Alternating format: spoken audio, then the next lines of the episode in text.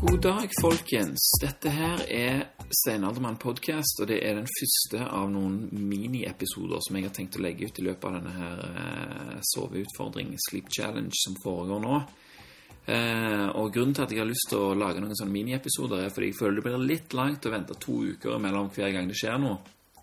Så jeg tenkte å snakke litt om søvn her eh, litt grann kort. Eh, så det som jeg lurer på, er hvordan går det etter fem dager med, med Sleep Challenge? Vi begynte jo på søndag. Eh, for min egen del så kan jeg jo si at dette har vært, det har vært en litt lengre prosess for meg, for jeg har jo planlagt denne Sleep Challengen og begynt å øve meg på noen av tipsene og sånt før vi begynte. Så når det var kveld på søndag, så var det ikke så mye som var annerledes. Eh, her hjemme så legger vi jo ungene i syvtida uansett, og da roer vi oss kraftig ned i løpet av den prosessen der. Sånn at det blir jo nesten som å våkne når du er, når du er ferdig. Men stort sett så kjører vi nøyaktig de samme metodene på ungene som vi gjør på oss sjøl. Prøver å ikke fôre dem altfor tett opp til, til legging. Eh, på badet så har vi skrudd ned lyset. Vi har dimmer der som bare demper det helt ned. Og det gjør jo òg at de blir mye mer medgjørlige i kveldsstellet. Og du merker liksom at de begynner å gjespe, og eh, de blir litt mer trøtte, da. Og når vi i tillegg da bruker stearinlys inne på rommet, så merker vi at det, når vi leser og synger, sånn at det, det, er ikke noe tvil om at det er mer effektivt i forhold til å få de til å, til å sovne raskere og, og roligere. Eh, mye bedre enn med den vanlige nattlampa. Jeg husker på Ask sitt rom tidligere, så hadde vi sånn skikkelig hvitt lys som bare lyste oss midt i trynet når vi skulle, uh, skulle lese og synge. og. Det, det, er jo helt klart at det, det, er ikke logisk. Men nå har vi fått, eh, fått eh, stearinlys også inn på, på begge rommene. Og det syns jo ungene òg er veldig stas. Å fyre opp fyrstikkene og liksom ja, lage litt koselig stemning, da. Så det funker iallfall veldig bra. Men eh, det vil jo si at når de er i seng, da, så har jeg allerede med dempa, lysene eh, rundt omkring i huset. Og da er det liksom bare å lage litt mat og kanskje se litt på TV òg før den slukkes. Eh, og det var det jeg merka mest forskjell på første dagen iallfall. At med en gang TV-en går i svart, så kjenner jeg at å, fytti katta, blir veldig trøtt. Uh, og den ene kvelden så satte jeg meg bare ned og stirra i peisen en halvtimes tid. Uh, etter jeg har sett på TV, og ble jeg egentlig bare så trøtt at jeg måtte gå og legge meg. Så det tar ikke så veldig lang tid altså, før melatoninnivået er off the charts, og du må bare Du må bare gjøre det kroppen uh, har mest lyst til, altså det å legge seg. Kjenner òg at jeg sover godt og tungt, og jeg har egentlig ikke noe særlig problem med å sovne, bortsett fra den ene kvelden så lå jeg vrei meg litt. Jeg vet ikke helt hva det var, men jeg tror jeg hadde litt for mange ideer i hodet som jeg ikke fikk lagt fra meg før jeg gikk til sengs. da. Og det er jo sånt som kan skje, eh, og der kommer jo inn dette her med dagbok og sånt, at hvis du, hvis du skriver det ned der, så klarer du på en måte å legge det litt mer vekk. Uh, tidligere så har jeg jo sagt at jeg skriver dagbok og leser litt på senga. Det har jeg òg gjort denne uka her, men neste uke så tenkte jeg å prøve å få, få dette her òg gjort før jeg går og legger meg. da. Eh, sånn at eh, Sånn at når jeg har pustetennene og går inn på rommet, så kommer jeg til å sovne innen tre sekunder, sånn som andre folk som ikke har tanker, klarer å gjøre. Veldig fascinert over at det går an, men eh, det kan jo være at jeg klarer det, jeg òg. Men jeg må bare finne rette måten å, å legge til rette for det.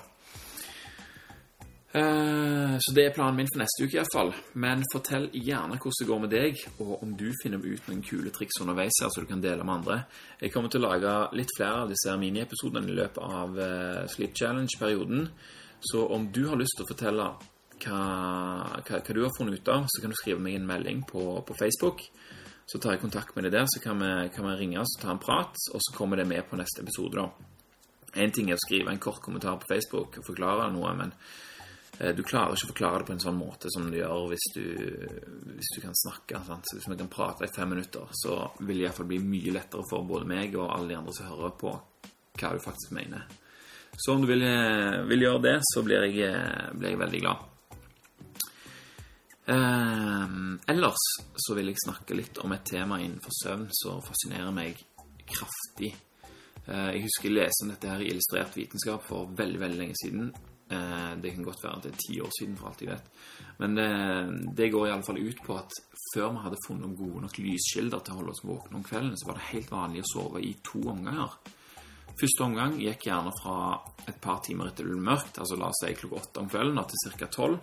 Et par timers våkenhet før du da går inn for nye fire timers med søvn. Og, eh, og, hvis du kombinerer dette her med en liten lur på dagen, så skal dette være en av de beste metodene for å, å redusere stress, faktisk. Eh, og jeg kjenner meg litt igjen i, i dette her, for eh, ofte så blir jeg veldig trøtt mellom klokka seks og åtte. Og det er jo i den perioden der så tenker jeg fader, i dag skal jeg legge meg halv ni. Men når klokka blir halv ni, så vokser jeg, våkner jeg liksom litt til igjen. Ganske irriterende, men det, det er litt logisk òg at, eh, at en blir trøtt rundt da, hvis vi har egentlig sovet så tidlig tidligere. Men hva er det vi skal gjøre når vi våkner klokka tolv? Hvis vi legger oss klokka åtte og våkner klokka tolv, skal vi våkne i to timer. Hva skal vi gjøre på? Mange av de store kunstnerne og forfatterne gjorde sine aller beste arbeider i løpet av disse to timene om natta.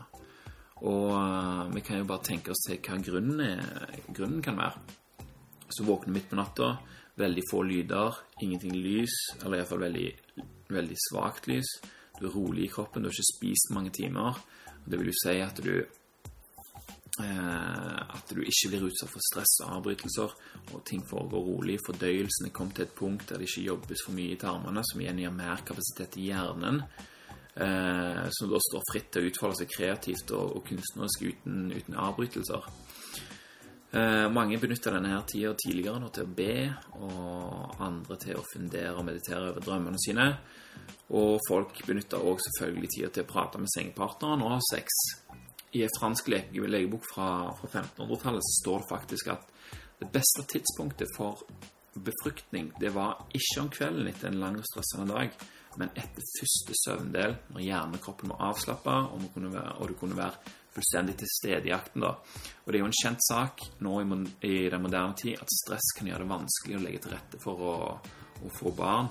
Så den der er ikke så dum. Og hvis det er noen som jobber med å få barn, så kan det kanskje være lurt å Om ikke du vil dele opp søvnen, så i alle fall sørge for å sove litt mer, da, sånn at du kan få redusert stressnivået ditt.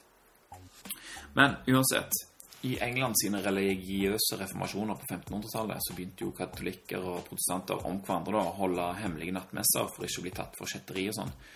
Uh, og dette gjaldt jo spesielt den rike delen av befolkningen, uh, for de hadde jo råd til stearinlys og sånn.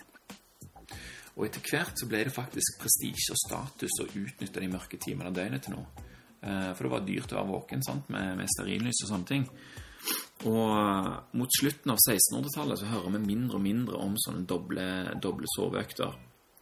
Paris de fikk gatelys i 1667, og Amsterdam og London fulgte etter rett etterpå. Og, og, lys om kvelden var det òg blitt vanlig for de som ikke var så, så rike.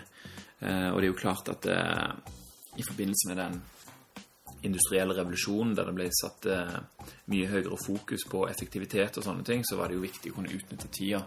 Og i legebøker og sånn for den tida så ble det anbefalt foreldre å, å prøve å få ungene til å slutte å sove to ganger om natta. Eh, jeg må jo si at det virker jo ganske logisk, altså. Jeg har jo holdt på med småunger nå i noen år, og det viser seg at de våkner ofte på natta. Og er det beste da å prøve å få dem til å sove igjen, eller er det beste å være våken sammen med dem og, og utnytte den tida der? Det er litt vanskelig å få til i dagens samfunn, men det er iallfall en liten tanke å ha i bakhodet, da. Eh, men iallfall rundt 1900-tallet så var det ikke lenger noe tema med to timers søvn. Det var nesten ingen som visste at det, var, at det var gjort på noen annen måte enn å sove åtte timer om natta. Så det er, ikke, det, er ikke, det er ikke, veldig lenge vi har holdt på med dette her. Men uansett eh, så hørte jeg en TED-talk om dette her for litt siden. Det var egentlig den jeg tenkte å tipse om her. Det var ei dame som forteller der at eh, de hadde låst noen folk ned i en bunkers i bakken i flere måneder. Og dette her var selvfølgelig frivillige folk, da. Men det de hadde det de hadde gjort, var at det var da ingen lys der, så de hadde ikke peiling på hva klokka var, eller hva, om det var dag eller natt. Men det som skjedde, det var at de begynte å stå opp ca. 15 minutter senere for hver dag som gikk. Og så gikk liksom det litt mer og litt mer hver dag. Men til slutt så begynte de å legge seg, og så fire timer. Så var de våkne et par timer, og så fire timer igjen. Og dette er jo mennesker som er moderne, som har sovet åtte timer hele livet sitt.